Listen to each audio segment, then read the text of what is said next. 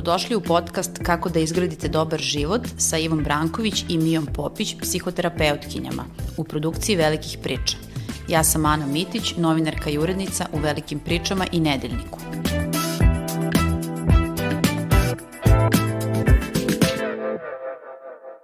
Ovo neće biti jedan neprijatan razgovor, iako je tema uh, neprijatan razgovor, odnosno kako se vode neprijatni razgovori. Sada ćemo dati jednu vrstu vodiča kako da vodite te razgovore koji su a, teški, a ta veština vođenja neprijatnih razgovora jedna je od onih koji će nam, koji će nam veoma biti neophodne za odnose u budućnosti. I e, to smo čuli od Ester Perel koju mi inače često a, citiramo, ona je psihoterapeutkinja, svetski poznata psihoterapeutkinja, neke od njenih knjiga možete naći i ovde kod nas u Srbiji I ona kaže da recimo pre 60 godina u maloj zajednici ljudi su se mrzeli, ali su morali da se recimo sretnu i, i da se vide u crkvi, u školi, na trgu. Sada to ne mora da bude tako, ne morate da srećete neke ljude ako ne želite, sve je posredovano tehnologijom, ali uh, zbog toga to pravi probleme našim odnosima jer mi nemamo taj blizak kontakt. Tako da ću sad prvo pitati Ivu Branković, psihoterapeutkinju sa kojom razgovaram, šta su sve neprijatni razgovori, da probamo to da definišemo. Šta sve može da bude mm. neprijatno kada treba da se razgovara o tome? Da, pa e, puno ima neprijatnih razgovora u različitim oblastima. Meni je naravno uvek najzanimljivija oblast partnerskih odnosa jer se time bavim, ali i oblast e, posla, odnosno e, funkcionisanja u organizaciji, jer i tu je potrebno da imamo neprijatne razgovore da bismo mogli da radimo na, na svojim odnosima. I to su stvari neprijatni razgovori o kojima mi hoćemo ovde da pričamo, ne da nije ideja da ljudima pošaljemo poruku svađajte se i neka vam bude neprijatno, nego nemojte da izbegavate neprijatne razgovore koji su neophodni da biste mogli da unapredite način kako ste zajedno. Jer to je ono na što nas podsjeća uh, Ester Perel i što je stvarno sjajno, ona govori o, o relacionoj inteligenciji, kao jednom novoj vrsti inteligencije o kojoj se nedovoljno pričalo, u stvari ona od uvek postoji, ali nikad i nismo tako podvlačili, koja nam je danas potrebna više nego ikada, zato što smo, uh, zato što nam je povezanost važna i potrebna i želimo da budemo zajedno, a ovaj, s druge strane u intimnim odnosima, a s druge strane na poslu nam je takođe potrebna zato što mnoge stvari moramo da radimo timski, posebno kreativne stvari, inovativne stvari, ne, malo ima tih poslova koji su, koji su inovativni, kreativni, a da su usamljeni. Porodični odnosi su takođe nešto što je pred izazovom, između ostalog zbog tehnologija, koje su dobre u mnogim stvarima, ali u drugim stvarima su napravile jednu distancu između ljudi i učinile su to da mi sada možemo da se odvojimo nekako lakše, odnosno odvojeni smo i nismo prinuđeni, kao što si ti sad rekla, da se sretnemo na trgu, u crkvi, mm -hmm. jel, u nekom takvom kontekstu, nego jednostavno možemo da samo prekinemo komunikaciju jer nam je to lakše.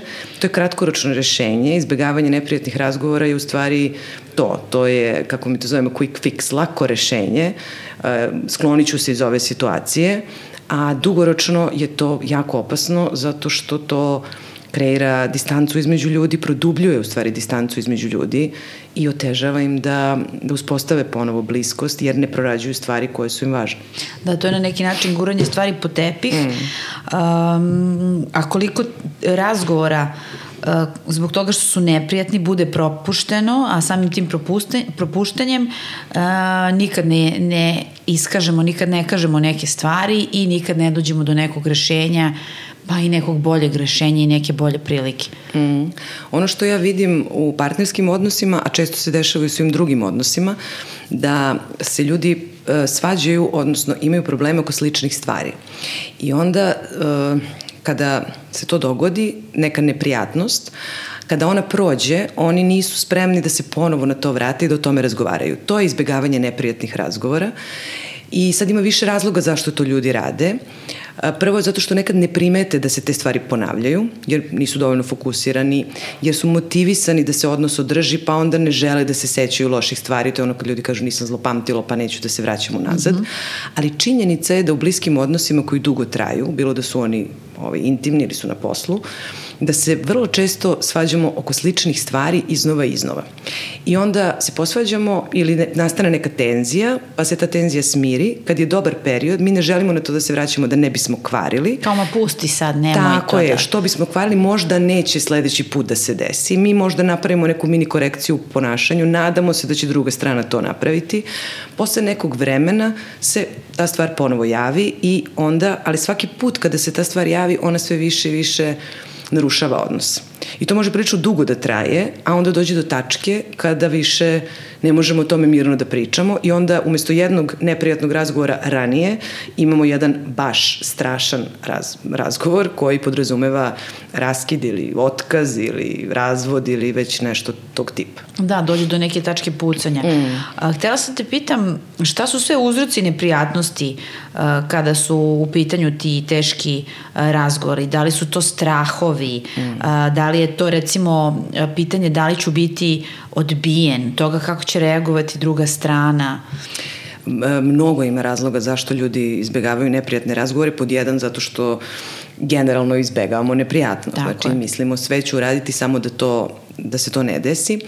A kada su u pitanju odnosi koje procenjujemo kao važne i kvalitetne, onda su tu negde u igri dva faktora. Ovo jedan je što si ti rekla strah. Šta kad započnemo taj razgovor? Jer uh, ne možemo da predvidimo ishod, bojimo se da ćemo time što izražavamo svoje nezadovoljstvo da, da povredimo drugu stranu, da druga strana neće konstruktivno odreagovati na to i onda to jednostavno se trudimo da, da gurnemo po tepih ili da izbegnemo i to je nekako, to je ključni razlog u stvari, zato što ne možemo da predvidimo ishod nekad to bude zato što nekad odlažemo te neprijatne razgovore baš u pokušaju da budemo što konstruktivniji, pa onda da smislimo idealan način kako da nešto kažemo. U tom prolazi vreme i nove stvari se nagomilavaju. E, jedan razlog koji sam ja čula od jedne osobe u svom okruženju kaže nisam hteo da pokrećem ovaj priču iz neke uviđajnosti. I sad je to meni bilo vrlo neobično, ali je to bilo to, kao nisam hteo da pre, previše povredim, odnosno da uvredim tu osobu, da, da je poremetim, on je pokušavao da nađe način kako da priča o tome da druga strana ne primeti. To je kad želimo da regulišemo stvari sami, a u stvari stvari moraju da se rešavaju zajedno. I to je veliki problem zašto mi to izbegavamo, jer izgubimo poverenje da će druga strana isto aktivno učestvovati u svemu tome i da će se zajedno sa nama, uprkos neprijatnosti, boriti za naš odnos. Jer nije to što mi smo nezadovoljni ili što nam nešto smeta, ne znači da nam sve smeta to je, to je isto veliki problem, što vrlo često mi globalno vrednujemo stvari. Ako smo u vezi, to mora bude savršena veza. Ako smo na poslu, to mora bude savršeni posao. Kad nešto krene da se kvari, mi svesno, to se zove psihološko slepilo, smo skloni da zažmurimo, da to ne primećujemo, jer se bojimo da ako se jedan deo toga pokvario, sve će da se raspadne. A u stvari i veze, i poslovi, svi odnosi imaju svoje dobre i loše strane. I kada to dozvolimo tako, onda smo i otvoreni da, da započnemo taj neprijatan razgovor. Spomenula si posao, da li su razgovori e, na poslu koji se vode zbog toga što nekome nešto smeta, između ostalog neko želi da traži povećanje plate, da li je to neprijatan razgovor? Da, to je neprijatan razgovor uh, koji govori, jer to drugoj strani govori ja sam nezadovoljan, ja nešto mm -hmm. očekujem od tebe, mm -hmm i, i tu ljudi umeju da budu vrlo osetljivi od, da, i da se brinu kakav će tu utisak ostaviti. Tu dolazi i ovaj strah od odbijanja Tako koji je. si ti spomenula. Da nećeš dobiti povišicu ili... Tako je. Ali tu ima jedna ovako logička stvar koja kaže um, možda nećeš dobiti ako pitaš, ali svakako nećeš dobiti ako ne pitaš, tako da... Ovo je savjet. To zaboravimo, pa to je Kako onako se jedan... traži povišica. Tako je, ali neprijatnosti svakako tu i sad tu, ima, tu može puno opet i ličnih razloga da bude zašto, zašto se ne usuđujemo da, da to radimo, zato što ovaj, nismo sigurni kako vrednujemo svoj rad, zato što e, ne želimo to da iskažemo nezadovoljstvo postojećom situacijom, visoko vrednujemo taj odnos, ali je svakako važno da, da pokrenemo tu priču, jer uvek kada, kada, uvek kada, kada dajemo tu povratnu informaciju da neš, nečim nismo zadovoljni, mi zapravo radimo na tom odnosu da on potraje. Jer čak i za poslodavce, koliko god da će im biti neprijatno ako zaposleni, jel, jer će shvatiti da zaposleni nije zadovoljan tom platom koju ima, S druge strane, već su šanse da će taj zaposleni ostati ako se to pitanje adresira. To je isto poenta, zato što ljudi imaju očekivanja da kad jednom budu vodili taj razgovor, da će on nešto da promeni. I onda se spremaju za taj jedan veliki razgovor koji će sve da reši. A u stvari, bilo bi dobro da u svim odnosima koje koje vrednujemo i koje želimo da negujemo, da imamo više manjih neprijatnih mm -hmm. razgovora da bismo se stvarima bavili kroz vreme. Jer recimo ako tražiš veću platu, poslodavac može da kaže ok, trenutno nije ta situacija, ali hajde ponovo da razgovaramo za par meseci, ok, što si ovo rekao. I sad da, nisi da. dobio, ali se otvorila neka mogućnost, pa to ide ponovo i možda za 3 do 6 meseci dobiješ veću platu. I razgovor bude lakši, ne bude toliko neprijatan. Tako je, tako je. Kad su u pitanju partnerski odnosi, ono što je meni tu zanimljivo jeste da je ljudima teško da pričaju sa svojim partnerima, ali zar ne bi trebalo da bude lakše jer smo mi kao bliski sa tim ljudima? Jeste, to deluje kao paradoks i meni je to isto neverovatno, ali svi to osjećamo. Ali ispada da što više vrednujemo odnose, to, to se više plašimo da ih narušimo. Pa onda s te strane i logično. I više izbegavamo onda te neprijatne razgovore. Tako je, tako je. I mislim da mi kulturološki tako nekako gledamo na odnose. Prosto mm -hmm. se konflikti se izbegavaju. Mi se trudimo da, da, da mnogo nam je važno zajedništvo, mnogo nam je važna porodica i, i trudimo se da to održimo bez obzira na to što, što se možda ne slažemo oko nekih stvari. Tako da nismo ni skloni nekim uh, debatama, konstruktivnim raspravama. Mislim da se mnogo više plašimo od tog uh, rasturanja, cepanja, odvajanja, nego što smo otvoreni za to da, da na stvarima radimo i možda to ima veze sa tim što smo ranije stvarno fizički bili mnogo bliski, jel kad smo, kad nismo živjeli toliko u velikim gradovima, kad smo živjeli u manjim zajednicama, pa smo znali da tu moramo da ostanemo, pa onda kad već ostajemo tu, ajde da guramo puno stvari po tepih da preživimo, ne znam. Mm -hmm ali danas postoje ključno važno jer jesmo odvojeni i onda fizički smo odvojeni i onda ako ne radimo na odnosima, ako ih ne negujemo, onda vrlo lako može da se desi da jednostavno se izgubimo, da izgubimo kontakt. Da, da. A zašto je za odnose u stvari važna ta veština vođenja neprijetnih razgore? Opet te vraćam na, na Ester uh, Perel. Pa zato što postoje, zato što su uh, konflikti su nešto što mora da postoji u odnosu. Neslaganja moraju da postoje u odnosu. Znači ne postoji odnos u kome sve savršeno funkcioniše, koliko god da u nekim odnosima, posebno na početku, deluje kao da je to tako kad se zaljubimo i kad krenu hormoni i kad krene taj prvi period, deluje kao da sve ide sjajno. Ali istina je da u svim odnosima moramo da nekako regulišemo te razlike koje postoje između nas Tako da je konflikt pre nego ne konflikt, odnosno apsolutni mir, nešto što je inherentno svakom odnosu. I zato su ti teški razgovori nešto što je neophodno, zato što ako smo različiti, ako se ne slažemo, mi moramo da se dogovaramo oko svih stvari. E sad, oko nekih stvari, to je ona priča o kompromisu, o nalaženju srednjeg rešenja, e, oko nekih stvari se lako dogovorimo zato što nam nisu toliko važne pa ih pustimo. Uh, ali neke stvari su nam jako važne, a onda one stalno isplivavaju i to su stvari te teme oko kojih moramo, moramo da razgovaramo i moramo da vidimo da li možemo i kako da nađemo način da, da budemo zajedno uprkos nekim razlikama, uprkos tome što nam se ne dopada neko ponašanje, što imamo različite ideje o nekim stvarima, to nisu stvari koje znače da, da ne treba da budemo zajedno, ali su stvari o kojih moramo da razgovaramo da bi mogli da nastavimo zajedno. Da, ali evo recimo Ester Perel da je rezultat svega toga znači guranja stvari uh, uh, po tepih uh, neki način izbegavanja sukoba. Mm, pa da. Znači smanjuju se te vištine komuniciranja Pa jeste, ona, ona... I mi izbegavamo sukob. I to je ono što si ti rekla, umesto da imamo nekoliko manje neprijatnih razgovora, na kraju to popuca i tu posle nema nazad. Tako je, onda bude jedan veliki neprijatan.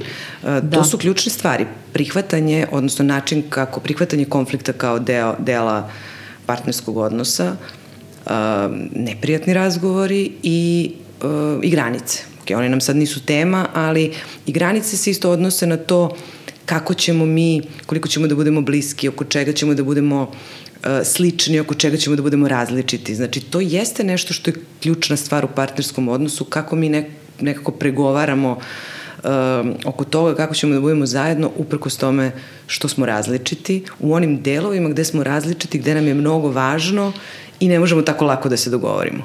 To je pojenta. Da, tu, tu je neophodan dogovor. Uh, kako se pripremiti za jedan neprijatan razgovor? Uh, ovo je baš teško pitanje. Pa prvo bi bilo dobro... Izvini samo, pretpostavljam da nije ista priprema kad ideš da tražiš povičicu i kad treba da razgovaraš sa svojim partnerom o nekoj ozbiljnoj temi, ali pošto je to tako teško, verovatno da postoji neki način da se mm. psihološki pripremimo za to i da sebi olakšamo. Pa prvo je važno da u neprijatan razgovor e, ne ulazimo ljuti. Mm -hmm. To je mhm. recimo prilično važno, e, zato što to nije konstruktivno, jer kad smo ljuti, to znači da imamo previše, nismo baš mnogo otvoreni da čujemo drugu stranu. Tako da e, uvijek je najbolje imati neprijatan razgovor nakon što se neki konflikt, svađa, rasprava već dogodila ili se desila neka situacija u kojoj smo se mnogo naljutili. Mm -hmm. I mislim da je to prva stvar i to je jedan veliki deo pripreme, u stvari razumevanja ovog o čemu smo sad pričale, da je neophodno da kada smo imali neku raspravu da je posle razrešimo. Znači, dobro je da ne budemo ljuti i dobro je da imamo poverenje u drugu stranu da će umeti da učestvuju u tom razgovoru u smislu da nije poenta da se mi pripremimo, jeste naravno važno da znamo šta želimo da kažemo i da to -hmm. razložno kažemo tako da ne uvredimo drugu stranu, nego da to bude fokusirano na naše potrebe i izražavanje jel, ličnih potreba, a ne optuživanje druge strane ali da isto imamo svest o tome da ne postoji savršen način da se nešto kaže i da to bude kraj priče, nego da budemo otvoreni za to da to mora da bude proces ko-kreacije, odnosno interakcije, gde ćemo mi zajedno uh, da pretresemo neku temu i da se time pozabavimo. Tako da nije dovoljno da, da mi budemo super spremni i da dođemo na, ovaj, na taj razgovor, nego da budemo spremni do jedne tačke, da znamo šta ćemo da kažemo i da to ne uradimo tako da uvredimo drugu stranu, a ovaj, da onda sa druge strane, da budemo otvoreni za slušanje, jer u stvari to je ključna stvar u komunikaciji i u tim teškim razgovorima. Zato je važno da budemo mirni, da ne budemo ljuti, nego da stvarno budemo spremni da čujemo drugu stranu i da probamo da razumemo tu perspektivu da bismo zajedno mogli da dođemo do nekog zajedničkog rešenja. Da, da će biti neprijatno biće. A da će biti neprijatno biće, to je, to je sasvim izvesno. Ali posle jednog takvog razgovora može da se oseti neko olakšanje, ono, Ipak si nešto uradio, pokrenuo si se. Posle Kakav tako, god je ishod, je li tako? Tako je, posle takvog razgovora se osjeća olakšanje i posle takvog razgovora se povećava bliskost. Mm -hmm. To je mhm. poenta u stvari te cele priče, jer mi o svemu ovome pričamo zato što su teški razgovori važni da bismo mi bili zajedno u problemima. Ako nismo zajedno u problemima, ako ih odvojeno rešavamo, mi se odvajamo. I to je ono što, što je mnogo važna stvar da podvučemo, zato što mnogo je važan lični rad, naravno da svako radi na sebi da bi u partnerskom odnosu ili na poslu ili u bilo kom odnosu bio bolji.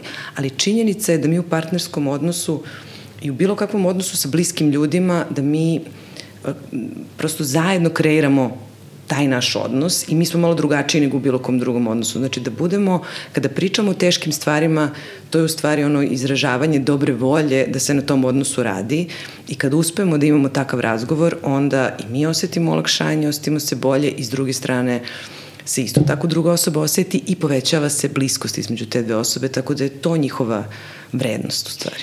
Uh, stavila sam sebi ovde kao jedno bitno pitanje koje su ključne veštine za vođenje neprijatnih razgovora, da li mi svi imamo te veštine da vodimo takve razgovore ili se one grade vremenom?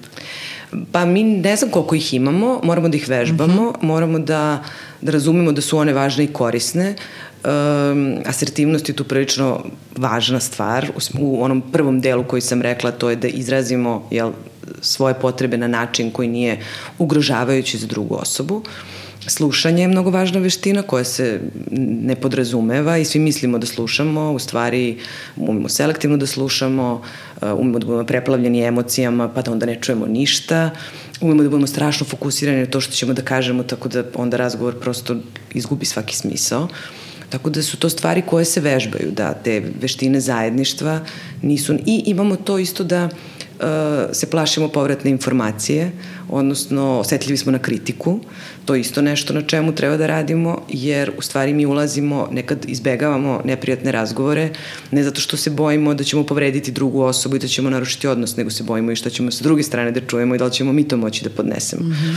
A u suštini to bi trebalo da bude poenta, da, da otvorimo komunikaciju tako da dobijemo informacije kako da naš odnos bude bolji, da izbegnemo to okrivljavanje ti si ovakav, ja sam onakav i to jesu veštine koje moraju da se vežbaju jer ni, ne podrazumeva se, nije naša komunikacija generalno asertivna, um, vrlo često konflikte to imamo tako što smo ljuti, ima tu puno ti rečenica, vređanja, na, ne, nekonstruktivnog načina za, za rešavanje toga, tako da da, te veštine bi trebalo da, da se malo provežbaju. Ili bar da se osvesti sobstveni stil svađanja. Da, nadam se da smo makar malo pomogli kada su u pitanju ti neprijatni razgori, da makar neko krene da razmišlja o tome kako bi mogao da poradi na tome i usudi se na neki korak, na neki neprijatan razgovor sa nekim drugim. Hvala ti na prijatnom razgovoru. Hvala tebi.